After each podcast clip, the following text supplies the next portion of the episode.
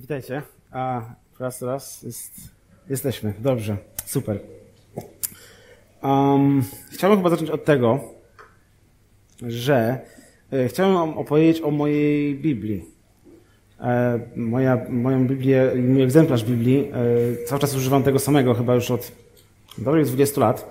Dostałem go od mojej mamy kiedy zaczęliśmy e, uczęszczać, e, jeszcze wtedy to nie był nawet zbór, tylko do społeczności, e, która potem stała się zborem chrześcijan baptystów w Chojnicach. Niektórzy z Was są z Chojnic, możecie jeszcze pamiętać szkołę muzyczną i nabożeństwa w szkole muzycznej.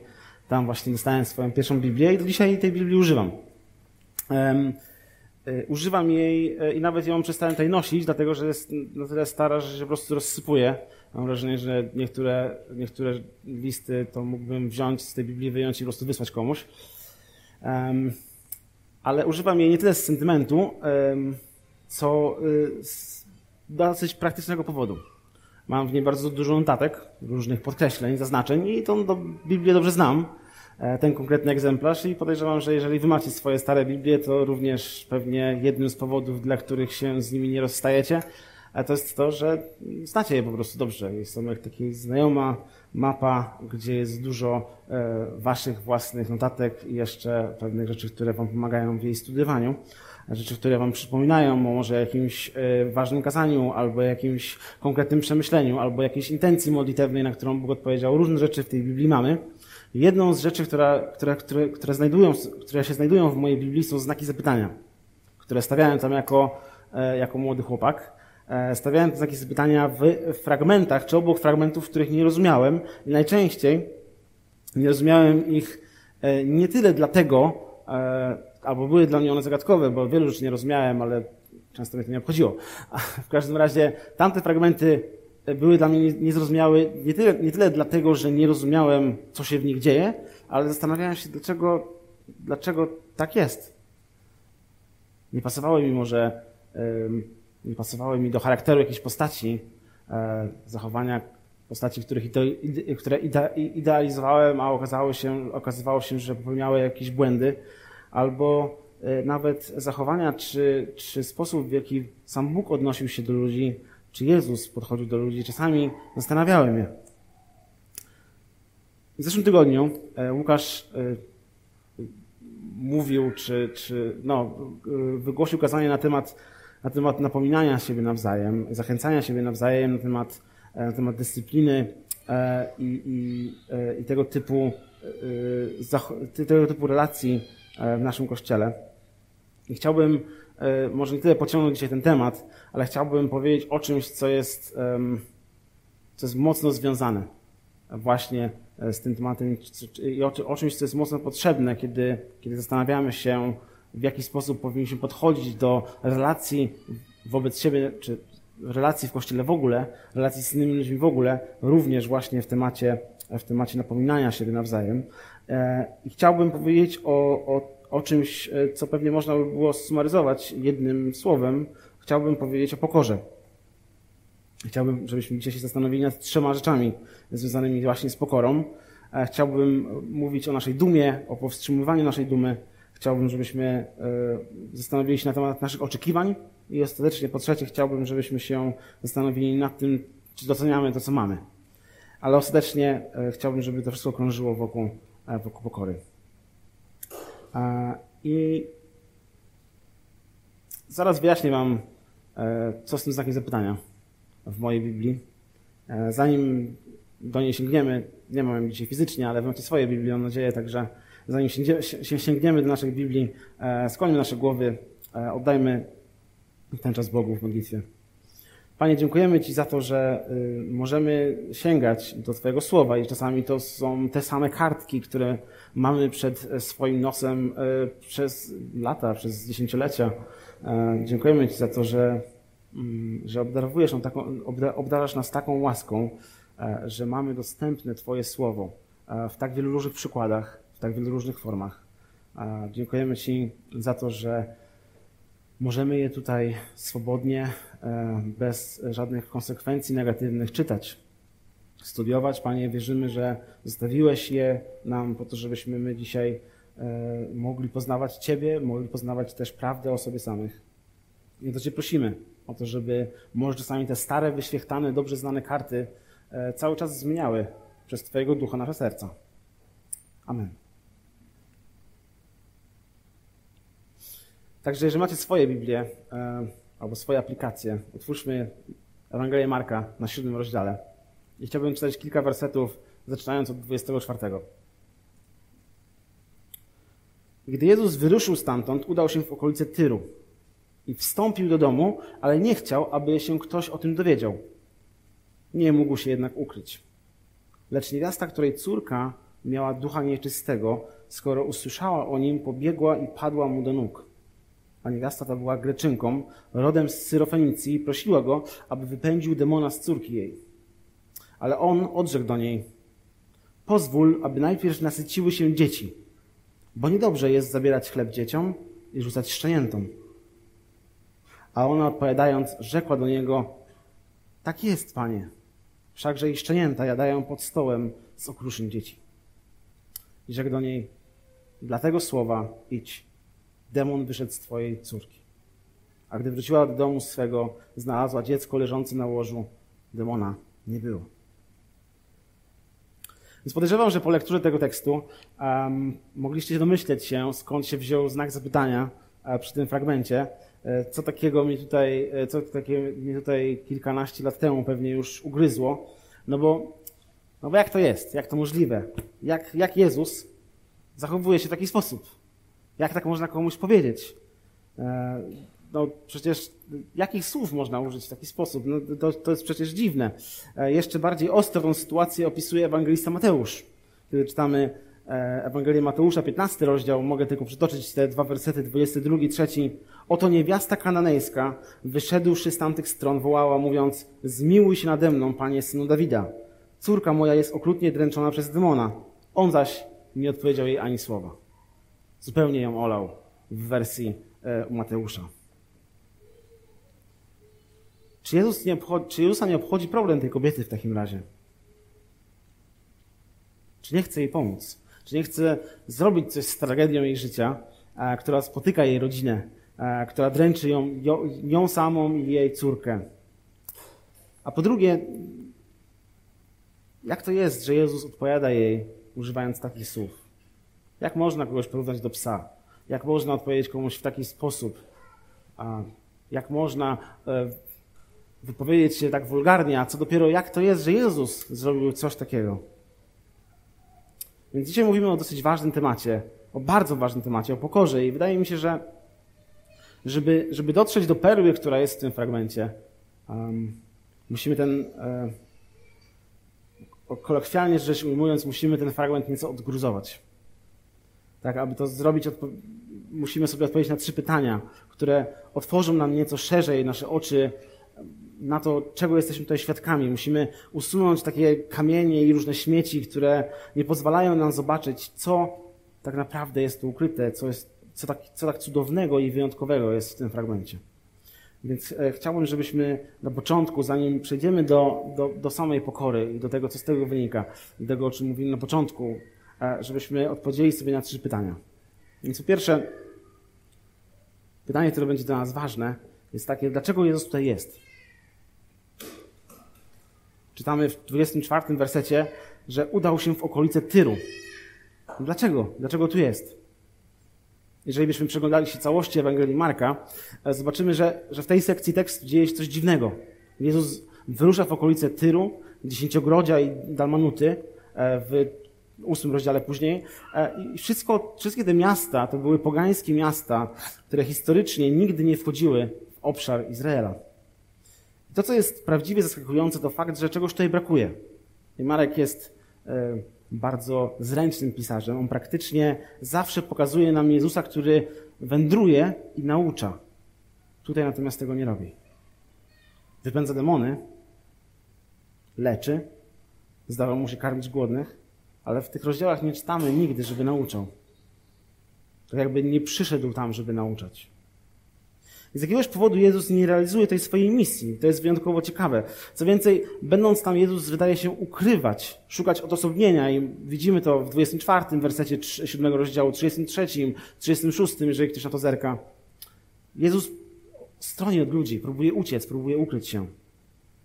I wydaje się, że bardzo możliwym jest, że po narastającym konflikcie z faryzeuszami, który Marek opisuje wcześniej, i potem, jest, potem widzimy w szóstym rozdziale również epizod z Herodem, który ścina Jana Chrzciciela, może Jezus, może Jezus właśnie próbuje zniknąć z radaru, gdzieś cię zaszyć na chwilę, gdzieś jakoś e, uciszyć, uciszyć te kontrowersje, które krążą wokół jego osoby, e, ponieważ wiedział, że jego czas jeszcze nie nadszedł. Więc po pierwsze, gdzie on jest? Udał się w okolice Tyru i wydaje się, że szuka tam E, odosobnienia, albo przynajmniej nie szuka tam rozgłosu.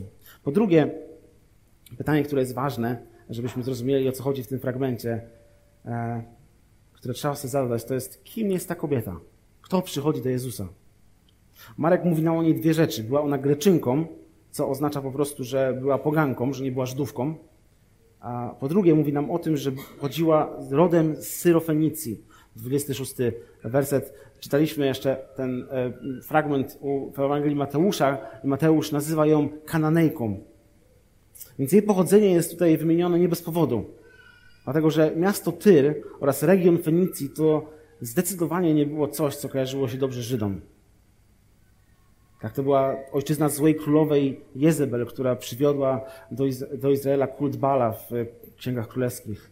E, prorocy mówili o Tyrze takie słowa, na przykład Ezechiel pisze, Potem zanucą nad Tobą pieśń żałobną i będą śpiewać Tobie o jakieś upadło, zniknęło z morza, miasto sławne, potężne na morzu, Ty i Twoi mieszkańcy, którzy wszyscy, e, którzy wszystkie lądy napawali lękiem przed sobą.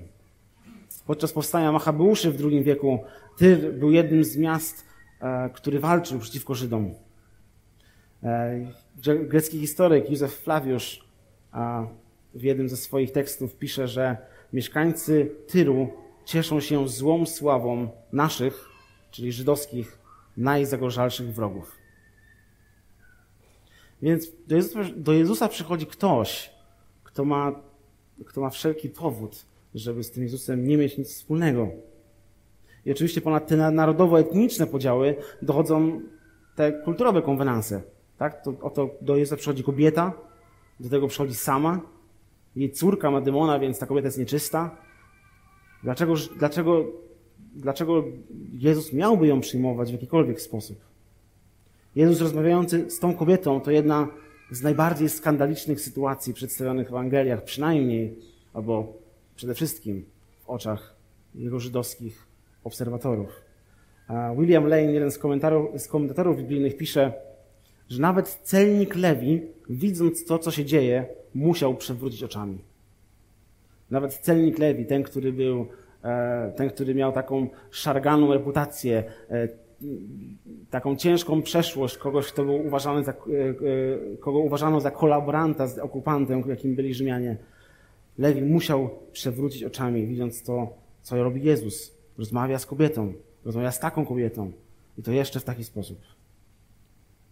I teraz można powiedzieć dobrze, ale Jezus wcześniej tłumaczy przecież, i widzimy to w Ewangeliach, że rzeczy zewnętrzne nie mogą skalać człowieka.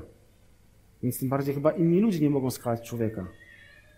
Jak to, co Jezus robi, nawet jeżeli jest akceptowalne w kręgu żydowskim, jak to miałoby, jak to miałoby być akceptowalne dla nas? Dlaczego my mielibyśmy patrzeć na to jako coś zrozumiałego?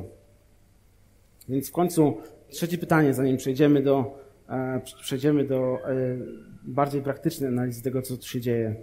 Musimy sobie odpowiedzieć, więc po pierwsze widzimy to, że Jezus jest w miejscu, w którym nie, nie przyszedł po to tam, żeby, e, żeby tym ludziom służyć. Przyszedł tam prawdopodobnie, żeby się ukryć, żeby trochę, żeby zrobić sobie urlop, gdzie byśmy powiedzieli. Po drugie, Jezus jest w miejscu, który jest wrogim miejscem, którym kulturowo, etnicznie i religijnie występują, występują konwenanse. I po trzecie, pytanie, które, czy trzecie pytanie, które należałoby sobie zadać, brzmi mniej więcej tak.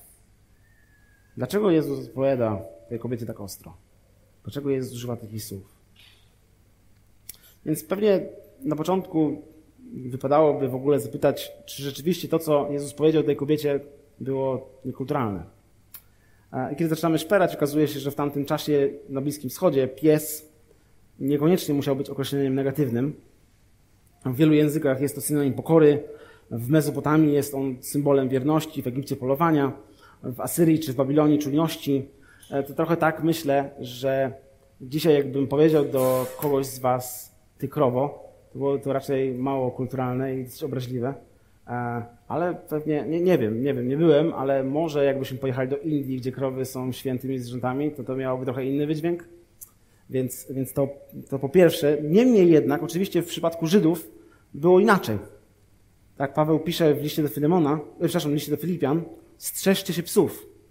I nie ma tutaj na myśli zwierząt, ma na myśli oczywiście e, ludzi. Tak, psy przez konserwatywnych, ortodoksyjnych Żydów były uważane za nieczyste i niektórzy ludzie również e, posiadali taki przydomek, przynajmniej w, e, w ustach niektórych Żydów. I kiedy przyglądamy się bliżej wersetowi 20, 20, 27, słowo, które tutaj jest przetłumaczone jako, jako szczenięta, oznacza po prostu małe psy.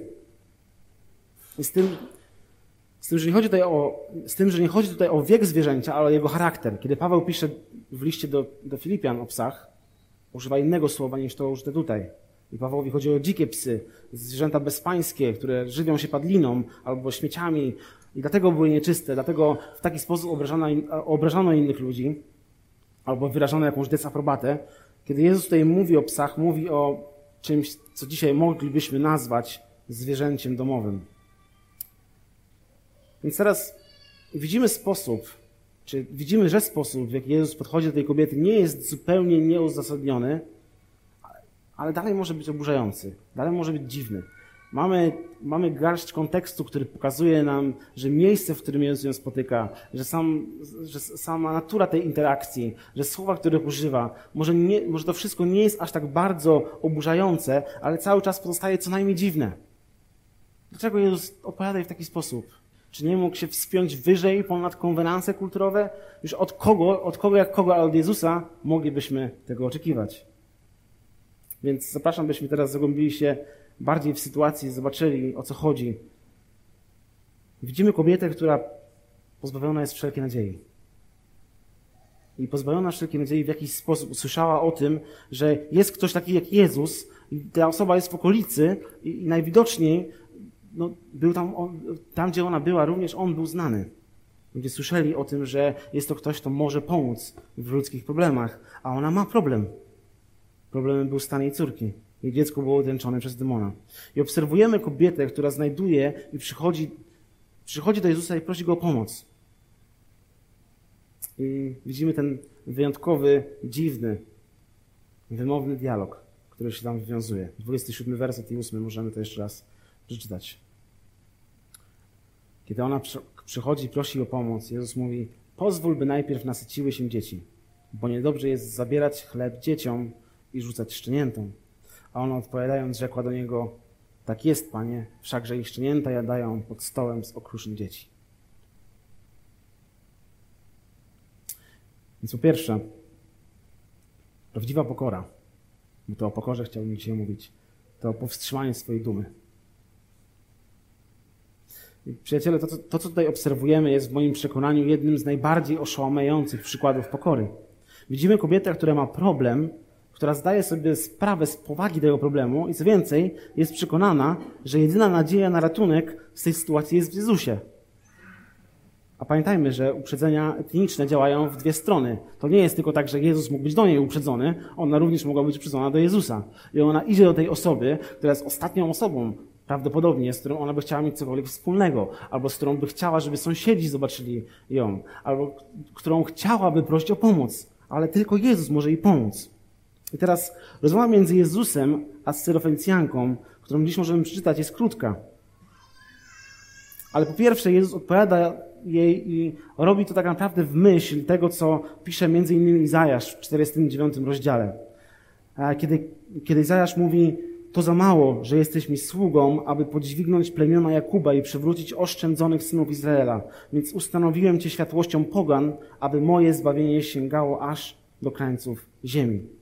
Więc innymi słowy, Jezus zdaje sobie sprawę z tego, że, no zresztą to nie jest nic dziwnego, a Jezus doskonale wie, że Boży plan dla ludzi jest mocno uniwersalny, że Boży plan zbawienia dotyczy nie tylko Żydów, ale dotyczy wszystkich narodów. Ale jednocześnie Jezus zauważa, że jest pewien porządek. I to, to, co po pierwsze robi Jezus, to mówi tej kobiecie, że przyszedłem służyć ludowi Izraela. Najpierw przyszedłem służyć ludowi Izraela. Dlatego, że to on został przez Boga wybrany i namaszczony. I bardzo ważnym jest to, żebyśmy zrozumieli, na czym polega ta rozmowa. Jezus nie mówi tego w ten sposób, żeby obrazić tą kobietę, ale pokazuje pewną rzeczywistość, pokazuje pewien obraz. Pokazuje pewien obraz, który był oczywisty dla tamtych ludzi. Tak? I używa podobieństwa. Izrael to dzieci Boże, a inni ludzie to psy, które też są w tym samym domu. Po prostu psy karmimy później, dlatego że najpierw priorytetem są nasze dzieci.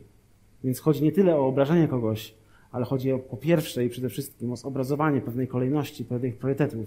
Jezus mówi, Ojciec posłał mnie tutaj przede wszystkim do Izraela, więc pozwól, że najpierw zrobię to, co, jest, to, co powinno zostać wykonane najpierw.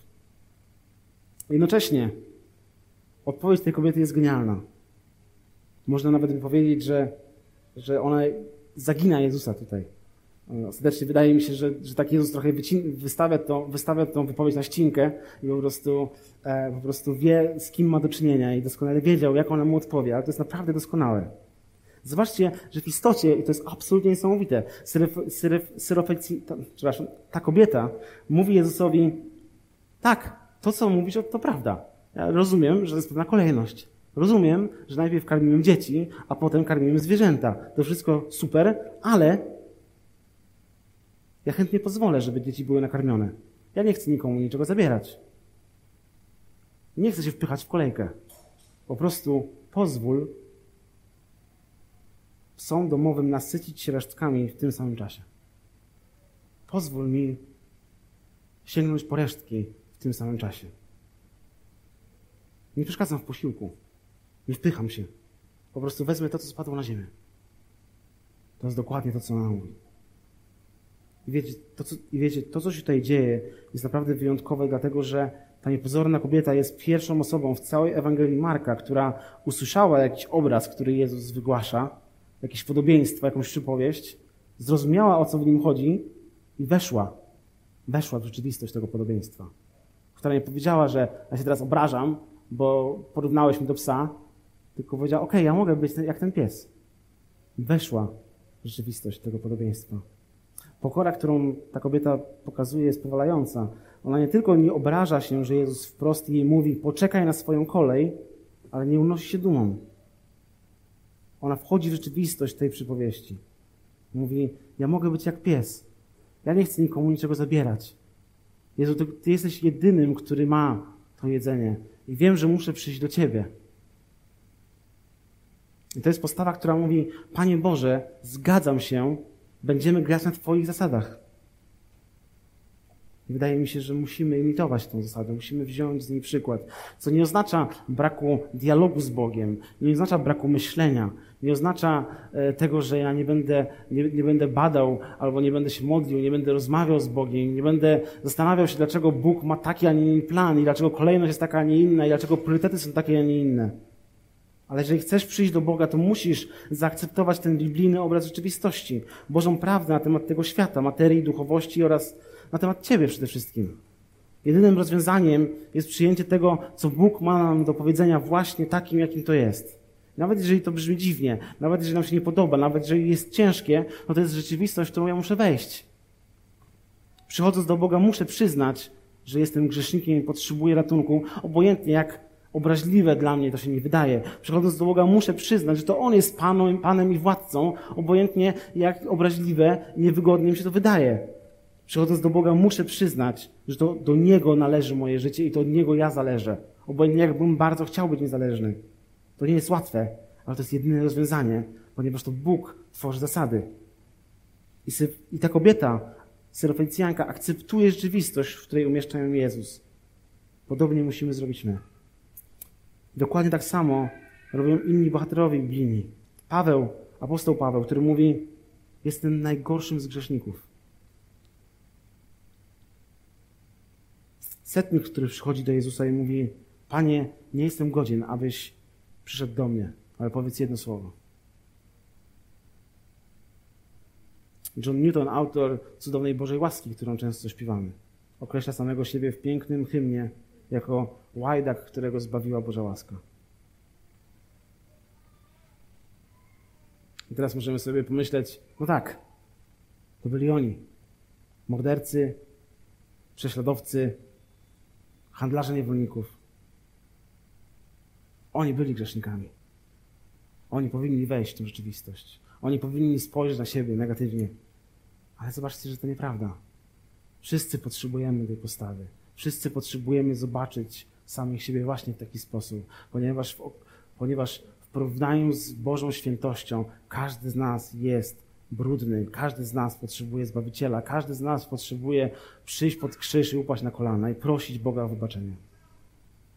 I elementem prawdziwej pokory, bez którego nie mamy szans przed Bogiem, jest właśnie to, że ja muszę być gotowy przyznać, że nie jestem doskonały, że nie jestem tak dobry, jak wydaje mi się, że jestem. Nie ma pojednania z Bogiem bez przyznania, Panie, ja wiem i rozumiem, że w Twoich oczach mój grzech jest czymś obrzydliwym. Ja akceptuję obraz rzeczywistości. Teraz błagam, Boże, uratuj mnie z tego obrazu. Przyjaciele, przyjście do Boga w ten sposób wymaga niesamowitej pokory. I każdy z Was, kto to przeżył, kto przeżył swoje nowe narodzenie, na pewno rozumie, co mam na myśli. Jeśli nie wiesz, o czym mówię, to proś Boga, aby ukorzył Twoje serce, aby pokazał Ci, jak bardzo w beznadziejnym momencie i w stanie jesteś bez Niego.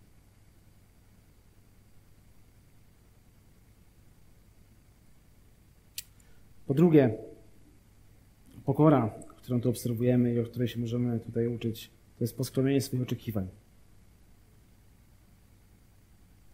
Widzimy w tej sytuacji, i to jest, e, to jest również wyjątkowo cenne,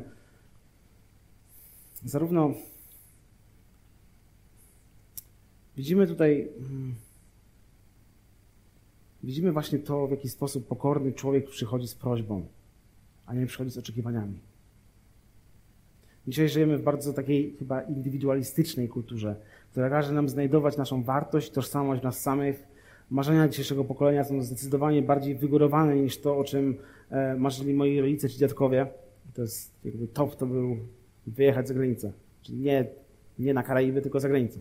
A więc e, no, dzisiaj mamy, mamy dużo więcej możliwości i żyjemy w dużo pod wieloma względami bardziej uprzywilejowanych czasach. I Pewnym przekleństwem dzisiejszych czasów jest to, że nie potrafimy być szczęśliwi i zadowoleni z małych rzeczy. Albo, nie wiem, jak często z, łapiecie się na w sytuacji, w której nadchodzą czyjeś urodziny. I największym problemem jest to, że trzeba wymyślić, co tu kupić, jaki prezent. I nie ma co, no bo już wszystko kupione, już ta, wszystko, ta osoba wszystko ma, e, a jak nie ma, to sobie kupi sama, no bo bez przesady. I mimo tego, że mamy tak wiele, to chcemy więcej. To powoduje, że stajemy się ludźmi, którzy, którzy mówią, ja mam do tego prawo, mi się należy i ja na to zasługuję. I wydaje mi się, nie wiem, czy to zgodzicie, ale to jest przynajmniej moje doświadczenie, że wyjątkowo często powodem naszego rozczarowania Bogiem jest to, że przychodzimy do, nie, do Niego z naszymi oczekiwaniami po prostu. Przychodzimy do Niego i mówimy, Panie Boże, ja chcę to, to i tamto. I tak, może nie mówimy w ten sposób, ale to jest nasze serce trochę. Tak, to jest, tak powinna wyglądać ta sytuacja, tak się powinien ten problem rozwiązać, taki mam pomysł na moją przyszłość e, i Panie Boże, proszę Cię, żeby tak to wyglądało, bo jak nie, no to jesteśmy pokłóceni. Podczas gdy, zobaczcie, ta kobieta przychodzi do Jezusa z prośbą, mówi, Panie, proszę Cię, nie zakłada, że Jezus musi coś jej dać. Ona nawet zgadza się, że ona nie jest wcale priorytetem. Ona mówi, Panie, bo, Panie Jezu, to prawda. Nie jestem priorytetem. Nie jestem tu najważniejsza. To nie o mnie tu chodzi. To wszystko prawda. I wiecie, ja naprawdę głęboko wierzę w to, że życie z Jezusem i dla Jezusa to jest coś wspaniałego, wyjątkowo wspaniałego. I jeśli jest to najlepsza rzecz w życiu każdego człowieka, jestem przekonany, że prawdziwe spełnienie, szczęście, satysfakcja, realizacja, radość, pokój są w Chrystusie. I wierzę, że jeżeli będziemy iść za wskazówkami Jego słowa, to nasze życie będzie układać się w odpowiedni sposób. I wydaje mi się, że ostatecznie będziemy szczęśliwi. Ale, ale nie możemy zapominać, że to nie, nasz, to nie o nasze szczęście tutaj chodzi. Że, nie, że w życiu nie chodzi o to, żeby być szczęśliwym. Że Jezus nie jest dobrym dżinem albo dobrym wujkiem, który wpada raz na jakiś czas, zawsze z kopertą pieniędzy i po prostu jakimś prezentem. Jego zadaniem nie jest spełnianie, spełnianie naszych zachcianek. I ostatecznie w praktyce myślę, że to może oznaczać, że o ile wychowywanie dzieci w pobożności jest świetnym pomysłem, to, to wcale nie zagwarantuje, że one pójdą za Bogiem. Bycie uczciwym w pracy jest genialnym pomysłem. I bardzo możliwe, że pomoże Ci odnieść sukces, ale może spowoduje, że stracisz tę pracę. Służenie Bogu jest najlepszą rzeczą, jaką możemy robić, ale to nie znaczy, że nie zachorujemy na raka i nie umrzemy. Przyjście do Jezusa jest najlepszą rzeczą. Ona zmieni Twoje życie na lepsze. Ale to nie oznacza, że Bóg jest coś Ci winien. To nie oznacza, że możesz przyjść do Niego z oczekiwaniami. To nie oznacza, że nie stracimy pracy, że nasi bliscy nie zachorują, że zawsze będziemy mieli pieniądze, że nie okradną naszego domu, że dostaniemy się na wymarzone studia. Jezus tego nie obiecuje. Ewangelia tego nie obiecuje. Jeżeli przyjdziemy do Niego z takimi oczekiwaniami, jeżeli będziemy iść z Nim z z takimi oczekiwaniami, to prawie na pewno będziemy rozczarowani. Ale jeśli przyjdziemy do Niego z przekonaniem, że On ma dla nas dobre rzeczy, to będziemy usatysfakcjonowani z tego, co On nam da. I prawdziwa pokora to przyjście do Chrystusa ze słowami Panie, bądź wola Twoja, ja chcę tego, co Ty masz dla mnie. I ostatecznie wydaje mi się, że ta kobieta właśnie to zrobiła. I w końcu po trzecie,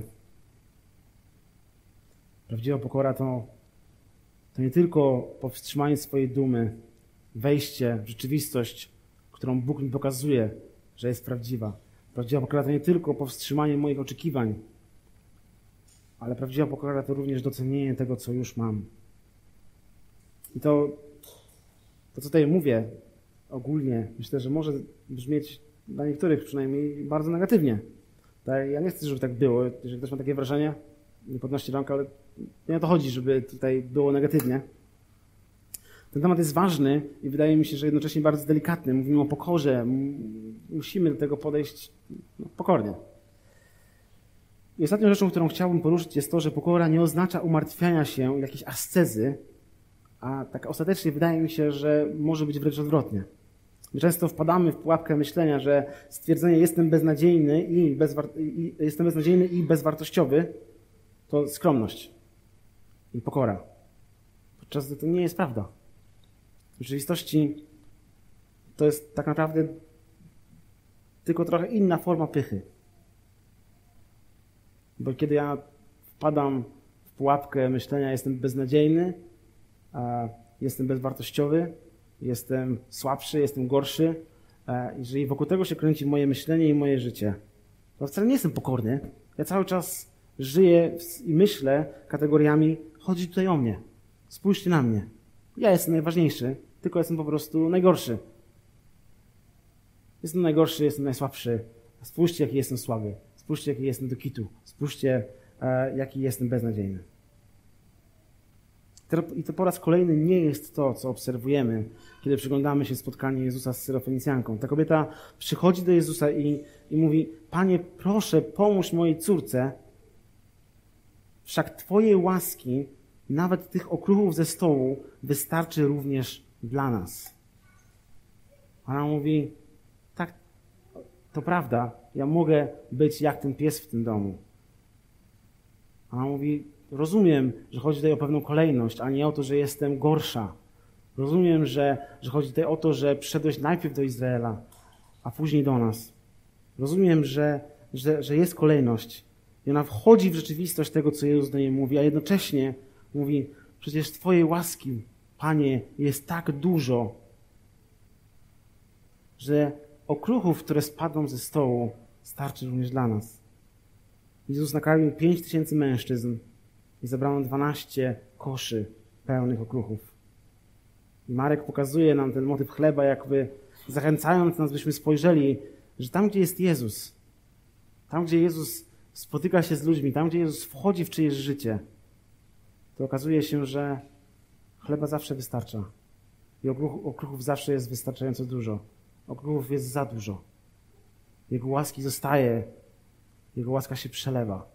Jego łaska wylewa się z koszy, spada ze stołu i każdy może po nią sięgnąć. Każdy, kto chce, może po nią sięgnąć. I to jest rzeczywistość w życiu Syr...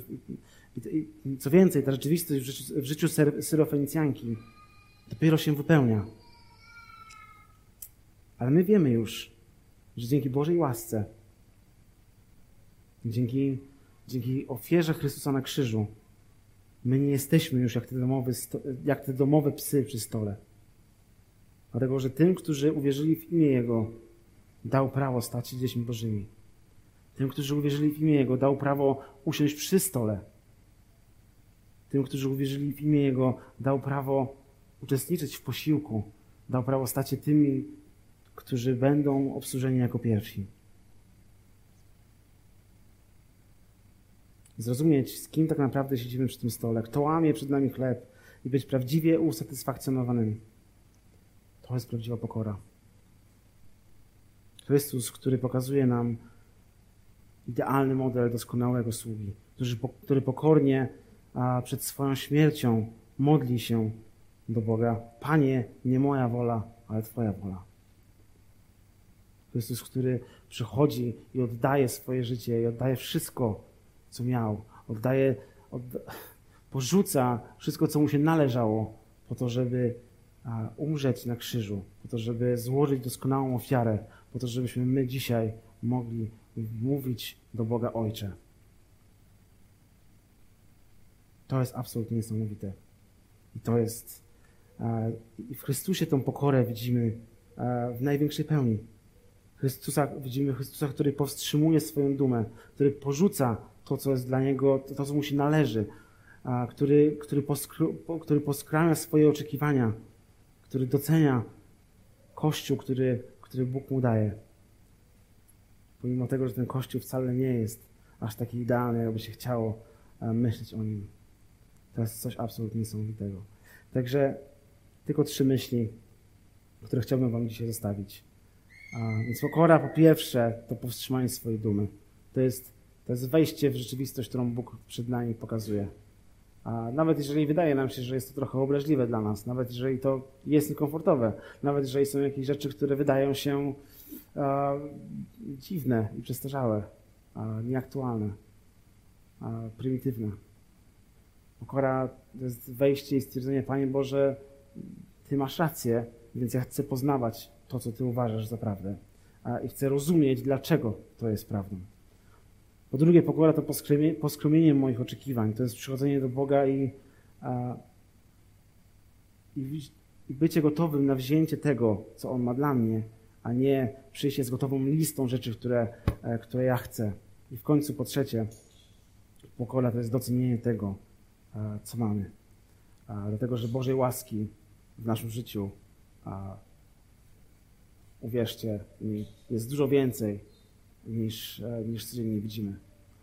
I sam fakt tego, że e, każdy z nas, albo może prawie każdy z nas, e, wstał dzisiaj rano, zjadł śniadanie, wsiadł w samochód albo w tramwaj i przyjechał tutaj za to, że możemy spotkać się i, i za to, że i, i fakt, że, że, że, że, nikt, nikt nas z tego powodu nie prześladuje, nikt nam tego nie utrudnia i, i możemy to robić, jest absolutnym świadectwem ogromnej Bożej łaski, która, która wypływa i spada określonami z tego stołu. I chwałę Mu za to. Niech nas Bóg w tym prowadzi, niech nas Bóg w tym błogosławi. I modlę się i życzę nam wszystkim, byśmy rzeczywiście brali przykład z tego, co On nam zostawił i żeby On zmieniał nasze serce na bardziej pokorne. Powstajemy do modlitwy.